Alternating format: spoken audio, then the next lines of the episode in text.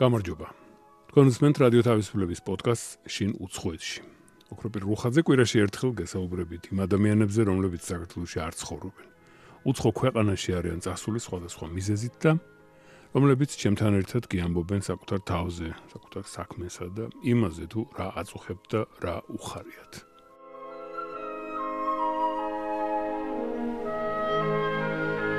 ანა არშიძემ გერმანიაში გაატარა თავისი ცხოვრების ნახევარი.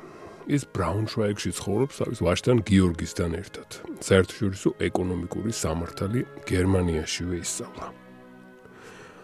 Volkswagen Financial Services სააქციო საზოგადოება Volkswagen-ის როგორც სამანქანათმშენებლო კონცერნის საფინანსო საქმეებს განაგებს და სწორედ აი ამ სააქციო საზოგადოებაში მუშაობს ანა იურისტად. სააქციო საზოგადოებას ბრაუნშვაიგში აქვს შტაბ-ბინა. ანა არაშიძე მარეგულირებელი კომპლაიენსის იურისტია. ანუ ამ შემთხვევაში საქმე ეხება სამართლებრივი ნორმების დაცვის შესრულებას. გარე სამყაროს მიმართ საკუთრივ კომპანიის მოქმედებისას შესაბამისობის მარეგულირებელი რგოლის იურისტი გახლავთ. ყველაზე დიდი გამოცდილება რაც მე აქ დავაგროვე არის ის რომ ჩემი თავის შეცნობა შევძელი და მომცა იმისი საშუალება და შანსი რომ გამეგო ვინ ვარ მე რა მინდა. ალბათ იმიტომ რომ მე აქ არასოდეს არ მინდოდა ყოფილიყავი ანუ მე ბოლომდე ჩამოსვლიდან ფაქტიურად სულ რაღაც როგორც ამ სულ რაღაც რამოდენიმე თვეა რომ რაღაც შინაგანად დამშვიდდი და დავწნარდი რომ აღარ ვაპირებ და აღარ მაქვს უკვე იმის გეგმები რომ მე აი ახლა იქითა თვეში დავბრუნდები იმის იქითა თვეში დავბრუნდები რაღაც აი ყოველთვის ესეთი თვალსაზრისით უყურებდი და ამიტომ ის მეგობრები ის გარემო რომელიც ჩემ გვერდით იყო დღევანდელი გადმოსახედიდან რო უყურებ, იმდენად თბილად მეკცელოდნენ, იმდენად თბილად მიმიღეს, რომ არ ვიცი, სხვა უცხოელებს ან სხვა კინდ ქართველებს, მეგობრებს, რომლებსაც ვესაუბრები, ყველას რაღაც ძალიან უფრო დიდი გამოცდილებები და უფრო დიდი პრობლემები ჰქონდათ და უფრო დიდი პრობლემების წინაშე იყვნენ და ჩემი გადმოსახედიდან უფრო გამიადვილდა ალბათ აკოფნა იმიტომ რომ შეგრძნება მქონდა ყოველთვის რომ უკან წავიდოდი და არასოდეს არ ვმკვიდრდებოდი აქ. ჩემ თავს არ ვაძლევდი იმის უფლებას რომ დამკვიდრებულიყავი. და რაღაც ფაქტიურად გამოვიწურთე და გავიზარდე ამ დროში, ამ დროის განმავლობაში, ამ 18 წელიწადში ასე რომ ვთქვათ, რომ შარშან მივედი იმ გადაწყვეტილებამდე და ვთქვი, რომ არა აქვს მნიშვნელობა მე უკან დავბრუნდები თუ აქ დავრჩები, მე ჩემი სამშობლო ყოველთვის გულში მეყოლება, ყოველთვის გულით დავატარებ ასე რომ ვთქვათ, და შევეცადე უკვე უფრო სხვანაირი თვალსაზრისით შემეხედა აქაურობისთვის და დამენახა ის განვლილი გზა, რაც რასაც აქ მივახციე და რასაც ნამდვილად ვერ მივახცევდი საქართველოში. ამ ის წინაღობები რაც აქ მქონდა, რამდენად გამზარდა ამ ყველაფერმა და რამდენად მომცა იმისი შანსი რომ ყოფილიყავი დღეს იქ სადაც ვარ და ის გამოწვევები რაც იყო ცხოვრებაში რომ ყველაფერი იყო დადებითისკენ. და ალბათ ეს რაღაცა იმ ანკომ იმისი შეგრძნება რომ აი მოვედი და გავჩერდი და აღარ მაქვს ეს რაღაც შინაგანი ბრძოლა ჩემ თავთან ამან დამანახად, რომ თურმე რამდენი კარგი მეგობარი დამიგროვებია ამ პერიოდში, რაც აქ ვიყავი. თურმე რამდენი აი ნამდვილად ისეთი თბილი და კარგი ოჯახური მეგობრობები, ანუ თლიანი ოჯახი, რომ ბებია, ბაბუა, დეიდა, მამიდა, ყველას რო ვიცნობ. აი ესეთი მეგობრები დამირო დამიგროვდა, ეს ჩრდილო გერმანიაში ცოტა ეს იშვიათია. რომ როცა ესეთი скеპტიკურად და ესეთი უცნაური თვალით გიყურებენ თავიდან, მაგრამ თუ შეგეყარებენ, მე უფრო ძლიერად და ღრმად ხდება მათი მხრიდან რაღაც კონტაქტების დამყარება. და დღეს ძალიან მადლიერი ვარ, რომ ყავას ამდენი გერმანელი მეგობარი, ამდენი ნამდვილად კარგი ახლობლები, რომლებიც საქართველოში ჩამოდიან, ჩემ მშობლებსაც, ჩემ ახლობლებსაც კარგად იცნობენ. აა და ესეთი რაღაც უფრო ესეთი ღრმა მეგობრობა გვაქვს. და ალბათ ჩემთვის არ იყო დედინაცვალი გერმანია. მაგრამ ისიც არ შეიძლება იმის თქმა, რომ ყველაფერი ძალიან ადვილი იყო და ყველაფერი ძალიან ესეთი ნათელფერებში იყო, ნამდვილად არ იყო. ადრე ბავშვებს ეკითხებოდნენ, რა გინდა გამოხვიდეო. ბავშვს არ აქვს გონება მოწამლული და გულწრფელად ამბობს ხოლმე კოსმონავტიო, ადრე ამბობდნენ ყოველ შემთხვევაში, ან მეხანძრე. ანასთან ერთად ვიხალისეთ იმაზე, რომ ასე ზუსტად არჩეული მას არ ჰქონდა პროფესია და სულ სხვა რამისთვის შევიდა უმაღლეს სკოლაში. და აი, როგორ შეიყვარა თავისი საქმე მერე. რატომ ხდება ასე? ყველაზე ახლო რაც იყო იმისთვის რომ გერმანულ ენას დაუფლებოდი, იყო ტერიტორიულად ახლოს ჩვენთან ეს ინსტიტუტი. და მივედი იმისთვის, რომ გერმანული ენა მწოდნო და ანუ კურსები გამეარა, მაგრამ რადგანაც ეს იყო ინსტიტუტი, ამზადებდნენ მხოლოდ სტუდენტებს. მე ჯერ სტუდენტობისთვის არ ვიყავი მზად, უბრალოდ მინდოდა რომ ჯერ ენა შემესწავლა და ის დრო რაც აქ ყოფნა ეს პერიოდი გამომეყენებინა, რომ ენა მაინც მწოდნო და კარგად. და ზუსტად იქ რომ მივედი, აა შესავსები იყო ფორმულარი, სადაც ეწერა, რომ აუცილებლად უნდა აგერჩია რომელიმე ფაკულტეტი და სრული გამოგეთქვა რომელიმე მიმართულების სწავლის, უკვე დაუფლების, რომ შემდეგ ქონოდა უფლება იმ ენის კურსზე ჩაწერილიყავი და ზუსტად ესე მოხდა სამწუხაროდ ისე დაემთხვა, რომ გამოცდა ინიშნებოდა ორ კვირაში, ორ კვირაშივე მაშინვე გამიშვეს გამოცდაზე, რომ პირდაპირ უკვე გავარკვიოთ თქვენ რომელ საფეხურზე უნდა დაჯდეთ, ან ის საფეხურზეო და რაღაცნაირად უცნაურად ისე მოხდა, რომ გამსვლელი ქულა დავაგროვე და ჩავაბარე და აქედან გამომდინარე ჩავირიცხე ავტომატურად. და ანუ ჩემთვის რაღაც ისე ადვილი აღარ იყო შემდეგ შემეცვალა აა და ამერჩიო უკვე სხვა განხრა. მაშინ ჩემი შვილი იყო წლინახევრის და ამიტომ ჯერ ნამდვილად არ ვაპირებდი რომ რაღაც პარალელურად თან სწავლა დამეწყო თან ახალი ჩამოსული თან ჩემი გერმანული არ იყო მაშინ ისეთი დონის რომ შემეძლო რაღაცა გამეგო. პირველ სემესტრზე მართლა ძალიან ისე გაურკვევლად ვიჯექი ყველაფერს ვიწერდი. მე რომ მოვდიოდი სახში და ვკითხულობდი თუ რა დავწერე იმიტომ რომ აზრის გამოტანა ძალიან მიჭირდა და ძალიან რთული იყო პირველი სემესტრი და უკვე მეორე მესამე სემესტრიდან ძალიან გაადვილდა როცა უკვე მივეჩვია ამ ყველაფერს მე რა უკვე ძალიან გამეადვილდა და მე მივხვდი რომ მართლა ძალიან კარგი არჩევანი იყო რომ ავირჩიე ეს მიმართულება мама юристია და აქედან გამომდინარე იქ რაღაც სხვა მანქანათმშენებლობის ან რაღაც მათემატიკის ან რაღაც ისეთი უფრო ტექნიკური საგნები ქონდათ და ეს იურიდიული რაღაც უფრო ისე ახლო იყო ჩემთან და კარგი მეთქე მაშინ ავირჩევე იურიდიულს. აა და ესე შემთხვევით აღმოჩნდი ასე რომ ვთქვა შემთხვევით შემომემთავრა ბიზნეს იურიდიულის ფაკულტეტი და გავხდი ბიზნეს იურისტი. ისი მადლობელიც ვარ მაშინდელი ესეთი უცნაური გადაწყვეტილების. იცით ერთი ძენი მასწავლებელი მყავდა მე და იმას უყურდა ხოლმე ძალიან მარტივად, თქმა რომ ყველაზე ჭკვიანი ადამიანის ცხოვრებაში მისი ფეხებია, სადაც წაიყვანენო, სწორად გილას რო წაიყვანენ ხოლმეო. თავი რაღაცა ყოველთვის ურევს და თუ ფეხი მიგიყვანს, ესე იგი სწორიაო. და ამ შემთხვევაში თითქოს რაღაც ესე გამოვიდა, ფეხი ამ თუ გადაწანით მნიშვნელობით, თქვენ სხვა რაღაცის გჭირდებოდა და აი თქვენმა ფეხებმა საიდან გადამოჭრა მაგაკი, ანუ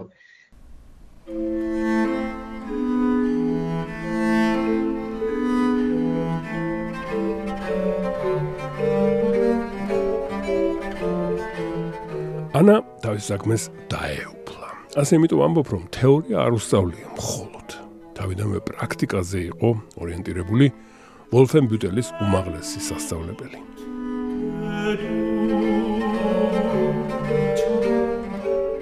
მე რაც გერმანიის შესახებ ვიცი, ძალიან ბევრია აი ესეთი სასწავლებელი, რომელიც უმაღლესი სკოლაა, მაგრამ ადამიანს მართლა პრაქტიკულ რაღაცა საქმეს ასწავლის და ასწავლის ბევრად უკეთ ვიდრე ის წმინდა საუნივერსიტეტო ცოდნა, როცა თეორეტიკოსები გამოდიან ხო. ეს უფრო რაღაც პრაქტიკოსებს ამზადებს. თქვენ რამ წაგიყვანათ მან? ე გამოყენებითი მეცნიერებების ინსტიტუტი, ხო? ხო, გამოყენებითი მეცნიერების ინსტიტუტი და აქ არის ესე ქვეგანყოფილება, ასე რომ ვთქვათ, European Law School. და ეს არის ფაქტიურად იურიდიული განყოფილების განხრა, რაც თქვენ ზუსტად აღნიშნეთ, რომ ზუსტად ამზადებს კურს დამთავრებულებს პირდაპირ მუშაობისთვის. ანუ ძალიან იშვიათია აქაც სხვათა შორის იშვიათია უნივერსიტეტებში უნივერსიტეტების დამთავრების შემდეგ სტუდენტებისთვის რომ პირდაპირ ესე ადგენენ და დაიწყონ და იმ განყოფილებაში სადაც მოხვდებიან თქვენ რომ აი მე რო ვისწავლე მესამე სემესტრზე ზუსტად ის მათგება ახლა ძალიან იშვიათია ესეთი რაღაცა და ზუსტად აი ეს ფახოხშულე აერთიანებს ამ ორ პრინციპს, რომ მოქცეს თეორიული განათლება და პლუს ამას პრაქტიკული განათლება. აერთიანებს იმასაც, რომ პროფესორები არიან აუცილებლად უნდა იყვნენ არამხოლოდ კათედრაზე დარჩენილი პროფესორები, არამედ მათ უნდა კონდეთ ნამუშევარი მინიმუმ 5 წელი ჩვეულებრივ დამთავრების შემდეგ უნდა კონდეთ ნამუშევარი. და მხოლოდ ამის შემდეგ აქვთ უფლება, რომ იყვნენ პროფესორები. და ეს ალბათ ძალიან კარგია, იმიტომ რომ ჩვენთანაც ლექციების დროს ყოველთვის იყო ხაზის გასმა იმაზე, რომ აი თეორიულად ეს ესე და ესე არის, მაგრამ პრაქტიკაში თქვენ გამოგადგებათ მხოლოდ ეს და ეს. მიაქციეთ ყურადღებას ამას და ამას. თითქოს გაგვეპარასავით ის მომენტი, რატომ ან როგორ ჩავიდა ანა გერმანიაში, რა სტატუსი ჰქონდა, როცა ევროპაში გადასახლდა. აა, ჩემი ყოფილი მეუღლე ცხოვრობდა აქ გერმანიაში. უფრო სწორად ჯერ კლასელები ვიყავით. საქართველოში მეორე კლასამდე თუ მესამე კლასამდე მე ის თავის მშობლებთან ერთად ჩამოვიდა გერმანიაში აქ დასახლდა. და ბოლო წლები სკოლის ბოლო წლები ისევ ისე უკან დაბრუნდა საქართველოში. და იქ კვლავ შევხვდით ერთმანეთს კვლავ შეგვიყვარდა ერთმანეთი ასე რომ ვთქვათ და იქ დაოჯახდით გაგვიჩნდა გიორგი. აა და ორივე სწავლობდით და გქონდა აღებული, უბრალოდ მე მქონდა აღებული ეს დეკრეტული, რასაც ეძახიან და ამ პერიოდში ჩამოვედით აქ. დიდი ხნით ასე რომ ვთქვათ, რომ რაღაც სამუდამო ჩამოსვლა იყო, ეს არ მოისაზრებოდა პირდაპირად.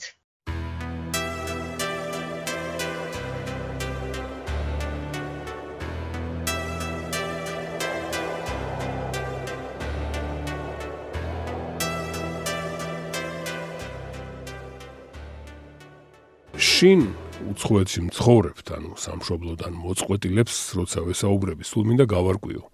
რა არის ემიგრანტისთვის ის იმპულსი, რომელიც მას რთული კონკურენციის პირობებში ამარჯვებინებს? წინ წაიყვანს და თანასწორუფლებიან მოქალაქეთ აქცევს, განსაკუთრებით გერმანიაში. ანას ეს პირდაპირ მიზნად არ ქონია. ანას უფრო სულდა Volkswagen-ში მუშაობა თუ Volkswagen-ს უფრო უნდა და ანას კვალიფიკაციის თანამშრომელი ყოლო და მე ზუსტად თავიდან ვერ გეტყოდით, მაგრამ ახლა შეიტყობთ. და ეს შეკითხვა ასე ჰაერზე არ დამისვამს. რასაც დღევანდელი გადმოსახედიდან უყურებ და რაც მაშინ ახალი ჩამოსული რო ვიყავი, რაც ძალიან მიკვირდა იმ მეგობრებზე და ახლობლებზე, რომლებიც გერმანელები იყვნენ, ყოველთვის წუწუნებდნენ და ჩიოდნენ რაღაცა ისეთი ის კონდათ, არ ვიცი, ბუნება. რომ რაღაცა რაც იყო გასაკეთებელი, ყველაფერს რაღაც გამოწვევასავით კი არ უდგებოდნენ, ყოველთვის უდგებოდნენ ისეთი თვალსაზრისით, რომ ეს იყო რაღაც ნეგატიური, ცუდი, მათ ისევ ისე კლავ დაავალეს, რომ რაღაც უნდა გაეკეთებინათ და ამაზე რაღაც უფრო ნეგატიური თვალსაზრისით უყურებდნენ და ჩემთვის ეს ყველაფერი რაღაც საინტერესო გამოწვევა იყო ერთი მხრივ, მეორე მხრივ მიზანსტრაფულობა და რაღაც ანუ პრობლემად არ აღვიქვავდი, უფრო გამოწვევასავით აღვიქვავდი და თან ისეთი პერიოდი იყო, რომ ანუ იმისი შეგრძნებაც მქონდა, რომ ჩვენ ალბათ უკან წავიდოდით ოდესმე და ის პერიოდიც, რომ არ რომ გამომეყენებინა და მესწავლა რაღაცა. და ეხლა მე სხვა სიტუაცია მქონდა, მე აქ ოჯახში ვიყავი, მესმის რა თქმა უნდა ძალიან ბევრი სტუდენტი, რომელიც აქ ჩამოდის, მათ ცოტა სხვა გამოწვევები აქვთ კიდე უფრო მეტი, რომ მარტო არიან, საბუთებს უნდა მიხედონ, ყველაფერს უნდა მიაქციონ ყურადღება, რა უნდა გააკეთონ და ჩემ შემთხვევაში ჩვენ ოჯახში ვიყავით, ოჯახთან ერთად ვიყავით, ასე რომ ვთქვათ. და ის პერიოდი რო გამომეყენებინა, სწორად იყო ჩემი რაღაც მიზანი. მაგრამ ზუსტად აქედან იყო გამომდინარე, რომ ყოველთვის დღემდე ფაქტიურად შეიძლება ითქვას რაღაც ერთი წელიწადია, რომ ესე შინაგანად თითქოს დამშვიდდი, თორე სულ ჩემოდნებზე ვიჯექი, სულ იმის შეგრძნება მქონდა, რომ უკან დაბრუნდებოდი, სულ იმის შეგრძნება მქონდა, რომ ისევ ისე უკან წავიდოდი, რომ ეს რაღაც ეტაპი იყო, რომელიც უნდა გადამელახა. აი ეხლა ენას ვისწავლი, აი ეხლა ცოტაც და ინსტიტუტს დავამთავრებ, აი ეხლა რაღაც სამსახურში შემომთავაზეს, აი მე კი არ მინდა, მაგრამ აი შემომთავაზეს კონტრაქტი მომივიდა და საქართველოში არ იყო ისეთი მდგრადი სიტუაცია მაშინ, როცა მე დავამთავრე. და სანამ სადიპლომოს დავიცავდი, უკვე Volkswagen-ისგან შემოთავაზება მომევიდა მუდმივი კონტრაქტის და ეს ზუსტად 2008 წელიწადი, 2008 წლის მერე Volkswagen-ში კრიზისული პერიოდი იყო, ზოგადად მსოფლიოში იყო კრიზისული პერიოდი და ესე სამუდამო კონტრაქტის მოცემა უფრო იშვიათი იყო. უფრო აყავდათ რაღაცა სხვა შვილობილ კომპანიებში, რომლებიც რომ სადაც დროებითაც ამუშავებდნენ და მერე აძლევდნენ უკვე 3-4 წლის მერე უფრო მუდმივ კონტრაქტს და ამ ჩემმა უფროსმა პირდაპირ შემომთავაზა და მთხოვა რომ მქონოდა უკვე ეს კონტრაქტი და იმ კონტრაქტში ჩემ კონტრაქტში დღემდე წერია რომ აი diese ifs ასე რომ ვთქვათ თუ დაამთავრებს თუ მიიღებს მუშაობის უფლებას ესეთი ისენი არის ჩამონათვალში, რომ თუ მექნებოდა მე ამ ყველაფრის საბუთი საბოლოოდ, მე შემეძლო უკვე დამეწყო მუშაობა და ეს რაღაცას ესე არაკეთებენ, ჯერ ყველაფერი რა თქმა უნდა წინასწარ მოწმდება, უკვე გაქვს შენ დიპლომი, მე წარადგენ შენ საბუთებს, შენ დიპლომს, რომ დამთავრებული გაქვს და გინდა რომ დაიწყო მათთან და არა პირიქით.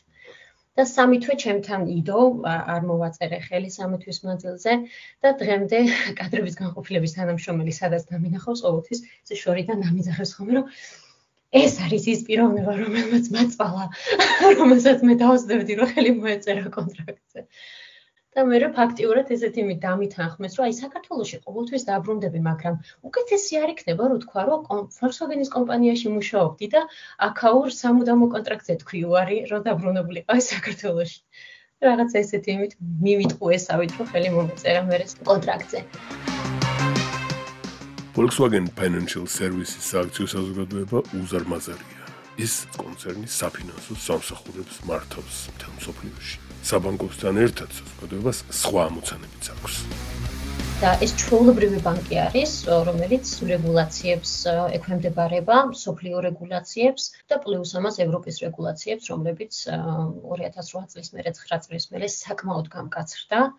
და ეს ჩვეულებრივად როგორც საქართველოსში არის რომ საფინანსო სექტორის სექტორის მარეგულირებელი ორგანოები არსებობს, აქაც 3-4 მარეგულირებელი ორგანო ყავს, იმიტომ რომ გერმანიას თავისი მარეგულირებელი ორგანო ყავს, ევროპას თავისი ცალკე მარეგულირებელი ორგანო ყავს, პლუს ამას ამერიკიდან ეს სკანდალის გამო, დიზელის სკანდალის გამო Volkswagen სხვა მარეგულირებელი ორგანოები უყურებენ, ანუ აქცევენ ყურადღებას რა როგორ მოხდება.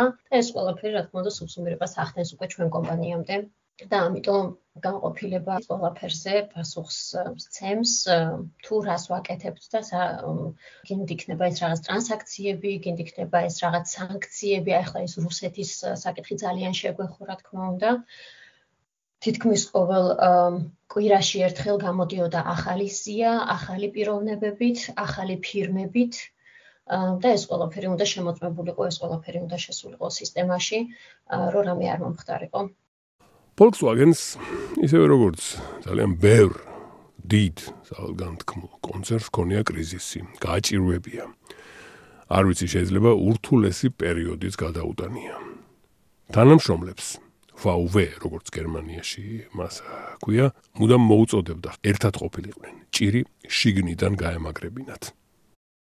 იქ რასაც ხედავდი მე მაშინ ვოლსბურგის ცენტრალურ ოფისში ვმუშაობდი ზუსტად ხდებოდა ისე რომ თითქმის ყოველ მეორე დღეს იყო შეკრებები რომ ზუსტად იმის შეგრძნებას აძლევდა გინდ იქნებოდა ეს კადრების განყოფილება თუ სხვა სტრუქტურა რომ ჩვენ ვართ ერთი ოჯახი ჩვენ ერთად უნდა დავდგეთ ჩვენ თუ ერთად დავდგებით არაფერი არ მოგვივა და ჩემგან ყოფილებაშიც ზუსტად ეგ სულისკვეთება იყო, რომ ჩვენ ყველაფერს შევძლებთ, ნამდვილად გადარჩება Volkswagen-ი, ყველაფერი კარგად იქნება, ყველაფერი წინ არის და რაღაცა ისე დადებითი სულისკვეთებით მიდიოდნენ და სტუდენტები, რა თქმა უნდა, ყველა შეშინებული იყო, იმიტომ რომ მათ უკვე დამთავრებული ქონდათ, ან უკვე ამთავრებდნენ თეზის, ანუ სადიპლომოს უკვე წერდნენ და ქონდათ იმის იმედი, რომ მიიღებდნენ კონტრაქტებს და სამწუხაროდ მაშინდელმა ეს მე ვიყავი 3 წლის მერე იგივე სიტუაციაში, მაშინ დელმა სტუდენტებმა კონტრაქტები ვერ მიიღეს. ეს მათთვის რა თქმა უნდა ძალიან ცუდი იყო და ძალიან რთული პერიოდი იყო მათთვის.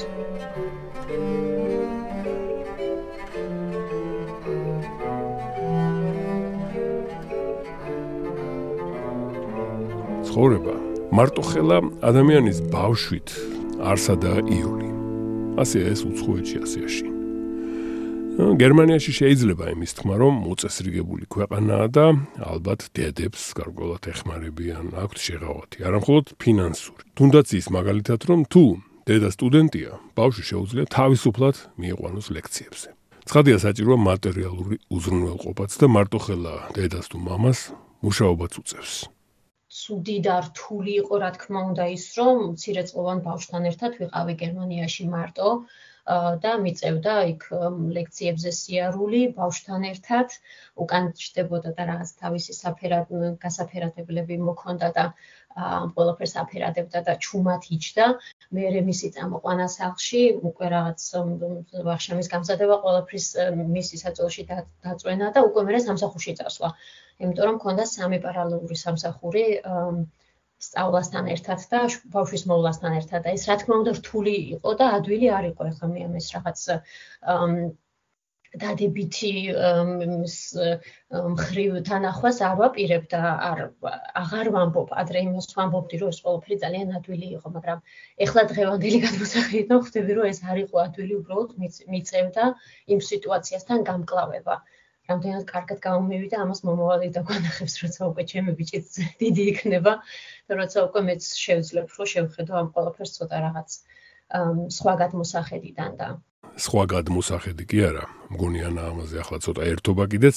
საქმე ეხება სასახელო ვარს გიორგის რომელიც მალე სკოლის დამთავრების შემდეგ საქართველოსში აპირებს ცხოვრებისეული გამოცდილების გამდიდრებას სასაცილო ის იყო, რომ ლექტორები უკვე იმდენად ახლოს იყვნენ გიორგისთან, რომ როცა დავამთავრე და სადიპლომოს ანუ ის რა ქვია სიგელის გადმოცემის დღე როცა იყო იქ სცენაზე ჩემი სახელი და გვარი როცა დაასახელეს და მე ჩამოდიხარ სპეციალური ჩამოსასვლელობას ჩამოდიოდი კიბეებზე ზევიდან უკვე დაიძახა პროფესორმა რომ შენი შვილი სად არისო ჩვენო შენო არ გადმოგცემთო დიპლომს. უსახარიო შენი შვილიო და მოტრე მოტრეალდი დაუძახე რომ მოსულიყო და რაღაც მთელი დარბაზი ფეხზე ადგა უტაშს უკრავდა და მე არ გადმომცეს დიპლომი გადასცეს მას. იმიტომ რომ ესწრებოდა ლექციებს. და რაღაც ისეთი იმით დაიმსახურა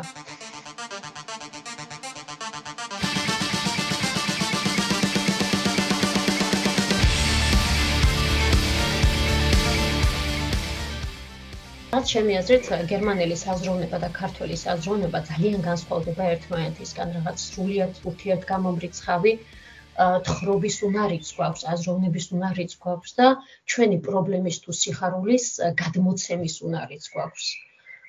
გერმანელი არის უფრო პირდაპირი, მე ამას რაღაც ჩემი თეორია დავარქვი, პირამიდალური თეორია დავარქვი, რაც იმას გულისხმობს, რომ გერმანელი პირდაპირ პირამიდის წვეტს წვეტიდან იწყებს თავისი პრობლემის ან თავისი რაღაც დადებითის თქმას.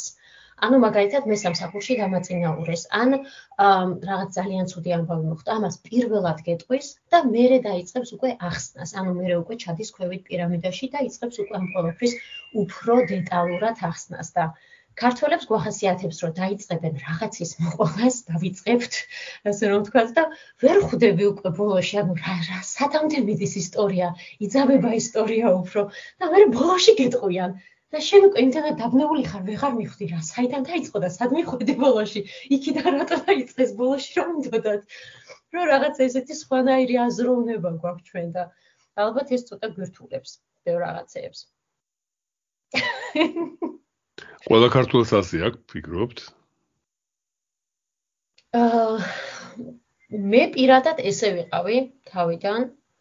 აა რაც აი სამსახურში და ცოტა ისე ხელს მიშლი და იმიტომ რომ აა როცა ესეთ უფროსობასთან გაქვს კავშირი, როგორც არის მაგალითად დირექტორთა საბჭო, აა იქ გაქვს გაწერილი დრო, მაგალითად 4 წუთი და 30 წამი, როცა უნდა ჩაატვე შენი სათქმელი და ახსნა და თქვა ის არგუმენტი, რატო უნდა მოხდეს რაღაცა. და როცა შევდიოდი და ვიწყებდი უკვე ამ ჩემი პრობლემის, ასე რომ ვთქვა, რაღაც და დახატვას და ბოლოში ვამბობდი თუ რა მინდოდა მაწყვეტინებდნენ ან პირდაპირ მეუბნებოდნენ რა ვერ ხვდებით რა რა შუაშია ეს რა რა რა გაინტერესებს და აი ამან რაღაც დამაკვირვა და მე უკვე აი ქართულ წიგნებსაც როცა ვკითხულობ, ზუსტად მაგისი შეგრძნება მაქვს, რომ წინადადება იწება ძალიან ბევრს საუბრობთ, იგივეს გადათარგმნა, როცა გინდა უკვე გერმანულად, იწებ უკვე სხვანაირად გადათარგმნას, ჯერ ამბობ საკითხს და მე რეიწებ უკვე ისტორიის ახსნას და ეს არ ვიცი, ეს ჩემი თეორია არის, რამდენად ნამდვილი არ ვიცი, მაგრამ აი ნახეთ რამდენი ვისაუბრე მეც. აა, კარგია ხო? მე მაინტერესებდა ეგა.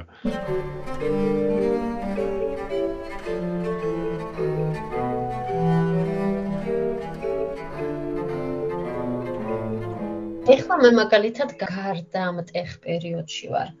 აა იმიტომ რომ ჩემი შვილი ამთავრებს სკოლას, აა ამდენი ხანი რაღაც ესეთი ის მქონდა ალბათ შინაგანი განწყობა მქონდა ესეთი რომ აი როგორც ვამბობდი რომ არ არ დავფუძნდი აქ იმის შეიძლება მქონდა ყოველთვის რომ აი ახლა სწავლას დავამთავრებ. აი ახლა ჩემი შვილი დაამთავრებს სწავლას და მე დავბრუნდები. აი ახლა ის იქნება, ახლა ის იქნება ყოველთვის რაღაცა ესეთ საფეხურებით მივდიოდი და ახლა ზუსტად იმას ხვდები, რომ რაღაც ერთ-ერთი მნიშვნელოვანი საფეხური მთავრდება და ჩემი შვილი უკვე თვითონ დამოუკიდებლად დაიწყებს თავის ცხოვრებაზე სიარულს და ალბათ სხვებს რაც აქვს 40-50 წლის ასაკში მე მაქვს ეხლა და რაღაც რთული პერიოდია, როცა შვილები მიდიან სახლიდან. თავისი თავის ახლიდან აღმოჩენა გვჭირდება. და რაღაც ახალი ჰობის, ახალი ინტერესების აღმოჩენა და უკვე ამ ყოლაფრის რაღაც გადა სხვანაირად შეხედვა ამ ყოლაფრის, არ ვიცი. რას უმიზნებთ? ესე არ არის ხო რაღაც უცბად რა ჰობი ჰობის იმას ზებნას იქ ხარ დაიწყებს ალმე იქნება რამე ჰობი მომდის. აა ხო, ერთი წლით ვაპირებ რომ სამსახურიდან წამოვიდე და გავაკეთო sabbatical და მოვიარო მსოფლიო. და რაღაც ესე ასე რომ ვთქვათ, ის პერიოდი რომ ყველაფერი ახლა ყველაფერი რაღაც ესე ცუდად ჟღერს, მაგრამ ბევრი რაღაცა ჩემ ცხოვრებაში იყო მართული სხვების მიერ. და მე არ მქონდა იმდენად იმისი შანსი, რომ მე მემართა ეს ყველაფერი. აა ეხლა მაქვს იმისი შესაძლებლობა რომ მე ვმართო ამ დაუფიქრდე იმ ყველაფერს რა გზა გავიარე თავიდან მოვიკრიბო ასე რომ ვთქვათ ძალები და მივხვდე თუ რა არის წინ და რა რა გზამელოდება. გაგიშვებენ ერთი წლით სამსახურიდან?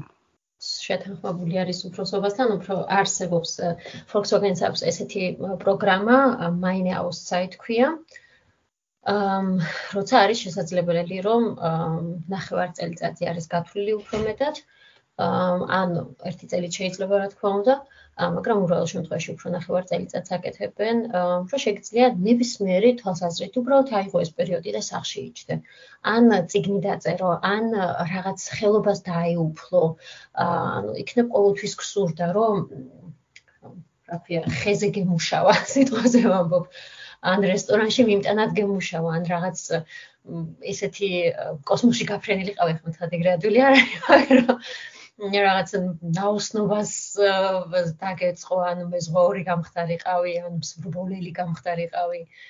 და ეს ყველაფერი იდეები რაც არის, რომ ეს ყველაფერი რაღაც გაააქტიურო და შეძლო შენი თავი თავიდან აღმოაჩინო. აქ ცხოვრობ უკვე 19 წელიწადია. და რაღაც ჩემი რაღაც აზროვნებითი ცხოვრება აქვს აქ მაქვს გატარებული იმიტომ რომ 18 წლის ვიყავი რომ ჩამოვედი და ეხლა 18 წლის ბავშვი ცხოვრობს ოჯახში ხო მშობლებთან და რაღაც ნაკლებად აქვს შეხება ბევრ რაღაცეებთან და ეხლა აქ რო ჩამოდიხარ უკვე 18 წლის და პიროვნებად ყალიბდები უკვე უცხო ქვეყანაში რაღაც საქართველოსთან კავშირი ჩემთვის კი ეს უბრალოდ ფურცელია მაგრამ რაღაც ჩემთვის ძალიან ძნელია ოფიციალურად შეტანა საბუთის და იმისი თქმა, რომ აღარ მინდა მოქალაქეობა. ანა არიშიძე იურისტია გერმანიაში Volkswagen-ის საავტომობილო კომპანიის Financial Services სააქციო საზოგადოებაში. ცხოვრების ნახევარი გერმანიაში გაატარა. სტუდენტ პრაქტიკანტიდან გზა გაიარა სახელგანთქმული ფირმის იურისტობამდე. გერმანიამ მითხრა ვინ ვარ და რა მინდა. გერმანიაში ჩემი თავის შეცნობა შევძელი. ახლა ცხოვრებას მე ვმართავო, მითხრა ანა. მე ვარ ოქროპი რუხაძე, პოდკასტის შინ უცხოეთში ავტორი. ჩვენი პოდკასტი მოისმინეთ რადიო თავისუფლების ვებსაიტზე და პოდკასტების ცნობილ პლატფორმებზე.